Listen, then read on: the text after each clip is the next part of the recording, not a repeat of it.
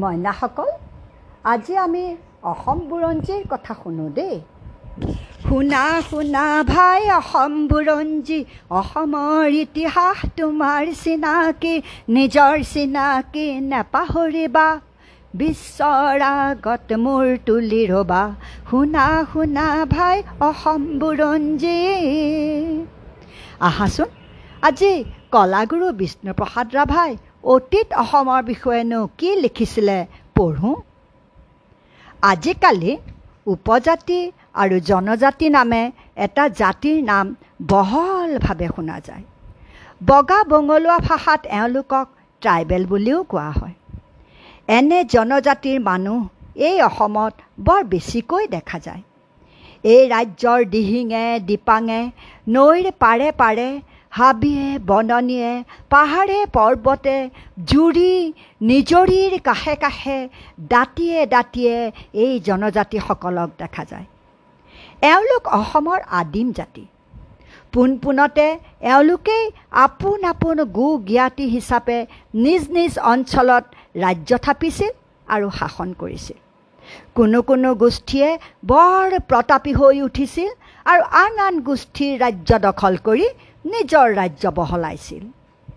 আমাৰ বুৰঞ্জীত কিছুমান গোষ্ঠীৰ শাসকসকলৰ নামো কলা মহিৰ আখৰেৰে গোঠা দেখা যায়। অসমৰ জনজাতিৰ লোকসকলৰ বেছিভাগেই মংগোলীয়া জাতিৰ মানুহ আৰু এওঁলোক এই মংগোলীয়া জাতিৰ ভুটীয়া বৰ্মাৰ শাখাৰ ভিতৰতে পৰে। ভূতত্ব বা ভূ বিজ্ঞানত যিসকলৰ বেছি জ্ঞান আছে তেওঁলোকে কয় প্ৰায় এক কোটি বছৰৰ আগতে কালৰ গৰ্ভৰ পৰা এই অসমৰ জনম হৈছিল হেনো। শুনা শুনা ভাই অসম বুৰঞ্জী অসমৰ ইতিহাস তোমাৰ চিনাকি নিজৰ চিনাকি নেপাহৰিবা বিশ্বৰ আগত মূৰ তুলি ৰ'বা। তাৰপিছত কি হ'ল শুনা?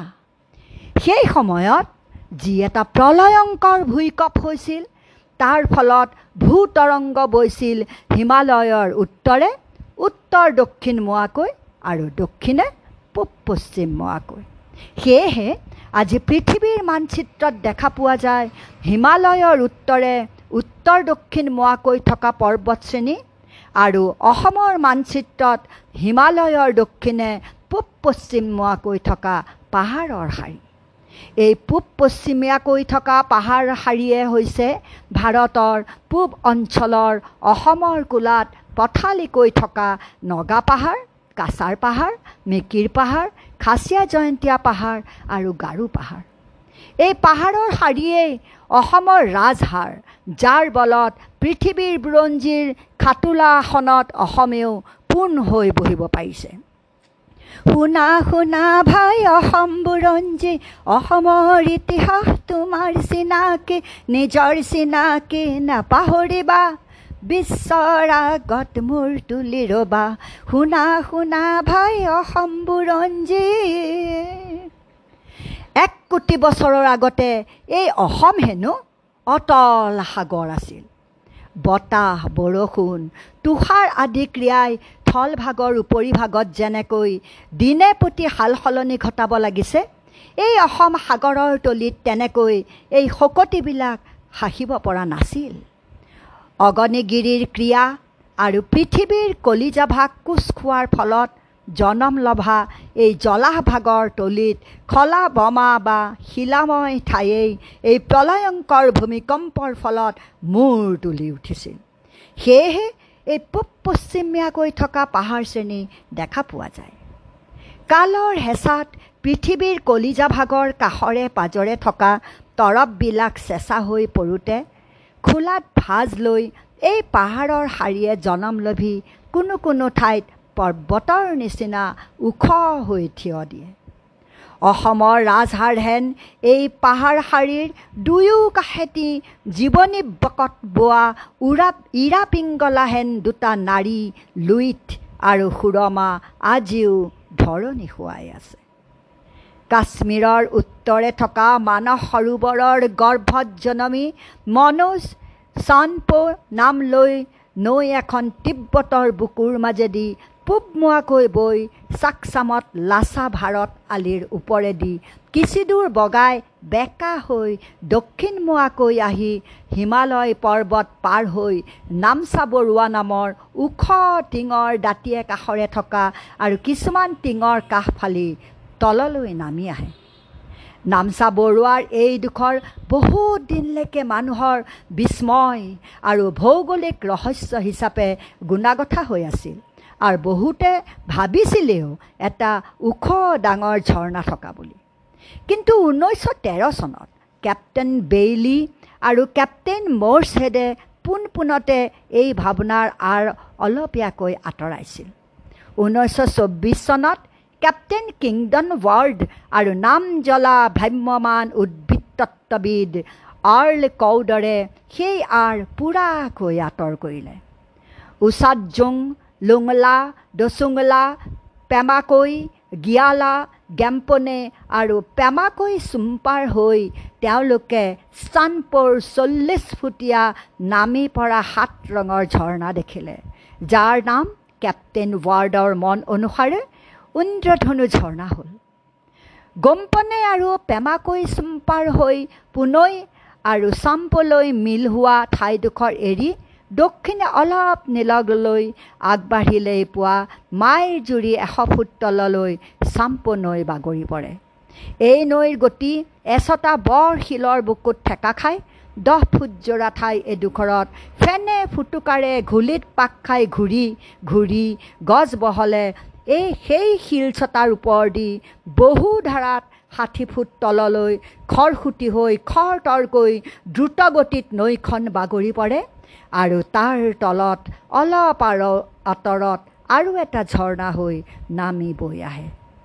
আবৰ পাহাৰৰ মাজেদি বৈ যাওঁতে এই চাম্পোনৈয়ে ৰিংগং চিগং বা চিৰপাটেং চিমং চিয়ম আৰু য়ামনে উপনৈবিলাকৰ পানী বুকুত ভৰাই লৈ ভৈয়ামলৈ বুলি দক্ষিণলৈ বৈ নামি আহে।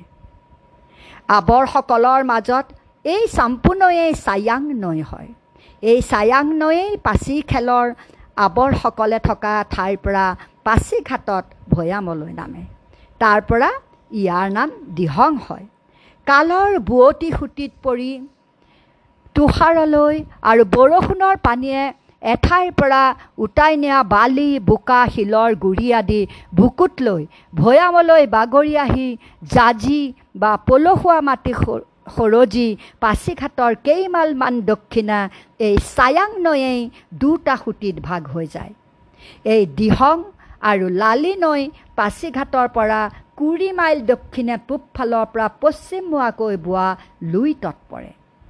দিহং লালি আৰু লুইতৰ মাজৰ দ্বীপহেন থলভাগ আজিও লালি চাপৰি নামে খ্যাতি লভে।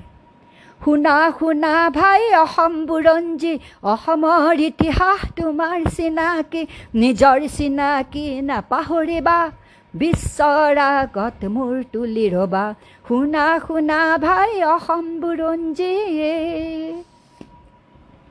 পূব তিব্বতৰ বুকু ফালি জায়ুল নামে এটা জুৰি দক্ষিণলৈ বৈ পশ্চিমপৰীয়া ৰিমাৰ পৰা একুৰি পোন্ধৰ মাইলমান নামি মিনজাঙৰ কাষত পশ্চিমে ভাজ লৈ মিচিমি পাহাৰ অঞ্চলত তিল্লু নাম লৈ দৌ দেলেই তিদ্দিং দিগাৰু দিবং কামলুং নোৱাদিহিং আদি উপনৈৰ পানী বুকুত লৈ পৰশুৰাম কুণ্ডত ঠেকা খাই এটা ঘুলিত পাক মাৰি বাগৰি পশ্চিমে বয়। আৰু বালি বোকা শিলৰ গুৰি পেলাই পেলাই ভৈয়ামৰ জাজি আৰু পলসুৱা মাটি সৰজে। এক কোটি বছৰৰ আগতে কেৱল অসমেই নহয় ভূমিজ্ঞান জনা পণ্ডিতসকলৰ মতে গোটেই ভাৰতবৰ্ষই হেনো সাগৰৰ অটল গৰ্ভত আছিল। আনকি আজিৰ তিব্বতৰ কথা নকওঁৱেই ইয়াৰ দাঁতিয়ে কাষৰে পূবে পশ্চিমে থকা দেশবিলাকৰ ওপৰতো এখন আহল বহল সাগৰৰ পানী উপচি আছিল। ভূতাত্ত্বিকসকলে এই মহাসাগৰক টিথাইছ বুলিছিল। ইয়াৰ দক্ষিণে এখন মহাদেশৰ বিৰাট কুলে আগচি আছিল আৰু এই কুলৰ পৰা আৰম্ভ হৈছিল এটা বিৰাট ভূখণ্ড যাৰ ভিতৰত আছিল অষ্ট্ৰেলিয়া নিউজিলেণ্ড ফিলিপাইন মালয় দ্বীপপুঞ্জ আন্দামান নিকোবৰ পিঞ্জ লংকা সিংহল আৰু আফ্ৰিকা। ভূমি বিজ্ঞানত পকা ওজাসকলে এই বিৰাট ভূখণ্ডৰ মহাদেশক গণ্ডুৱানা ভূমি বুলিছিল। সেইকাৰণে সেই যুগক তেওঁলোকে গণ্ডুৱানা যুগ বুলি মাতিছিল। অতীততে প্ৰকৃতিৰ বুকুত বাহিৰা আৰু ভিতৰুৱা শকতিৰ মাজত দণ্ড কাজিয়া হৈ থাকোঁতে পৃথিৱীৰ কলিজা দুখৰিৰ পৰা বাৰে প্ৰতি অগনি উগৰা হাঁহ হুমনীয়া বাজ হৈ ওলাওঁতে ওলাওঁতে হিমালয়ৰ জনম হ'ল। তিথাই সাগৰৰ বুকু ভেদি বিধে বিধে পাহাৰৰ শাৰী আৰু নানান তৰহৰ পৰ্বত শ্ৰেণীৰ স্বজন হ'ল। সাগৰৰ প্ৰাণীৰ চাপ থকা শিল হৈ ৰোৱা জকা আদিৰ বহু চিন আজিও হিমালয়ৰ বুকুত ক'ৰবাত ক'ৰবাত কোনো কোনো ঠাইত দেখা পোৱা যায়। আনকি এই পৰ্বতৰ শিলবিলাকত সময়ে সময়ে শংখ শামুক প্ৰভৃতি সামুদ্ৰিক জীৱ জন্তুৰ জকা দেখা পায়। এই ওজাসকলে ঠাউৰাই যে হিমালয়হেন এই এটা বিৰাট পৰ্বত শাৰীও একালত সমুদ্ৰ গৰ্ভত ডুব গৈ আছিল। ধৰণীৰ গৰ্ভৰ শকতিৰ উফলনিতহে হেনো এনেকৈ সাগৰৰ গৰ্ভৰ পৰা ওখ হৈ ডাং খাই উঠিছিল। এই ই গাণ্ডুৱানা যুগৰ কাহিনী।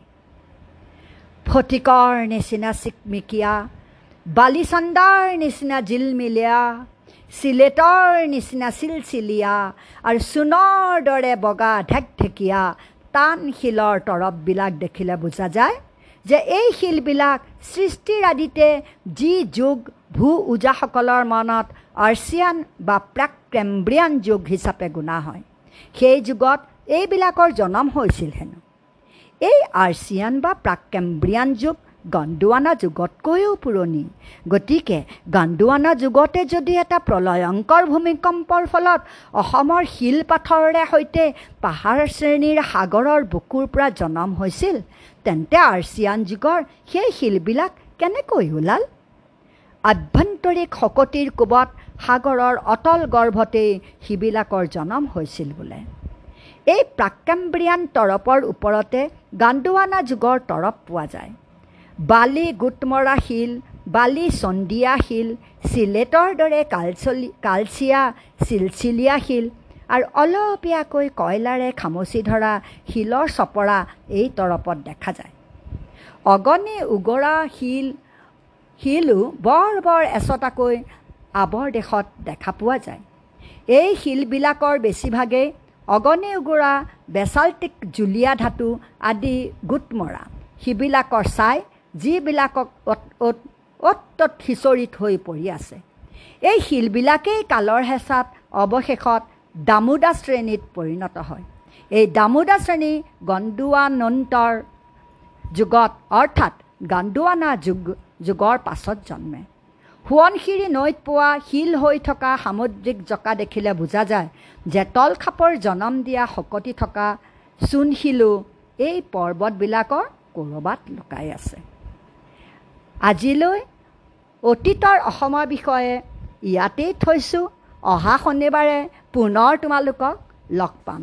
শুনা শুনা ভাই অসম বুৰঞ্জী অসমৰ ইতিহাস তোমাৰ চিনাকি নিজৰ চিনাকি নেপাহৰিবা বিশ্বৰ আগত মূৰ তুলি ৰ'বা। শুনা শুনা ভাই অসম বুৰঞ্জী।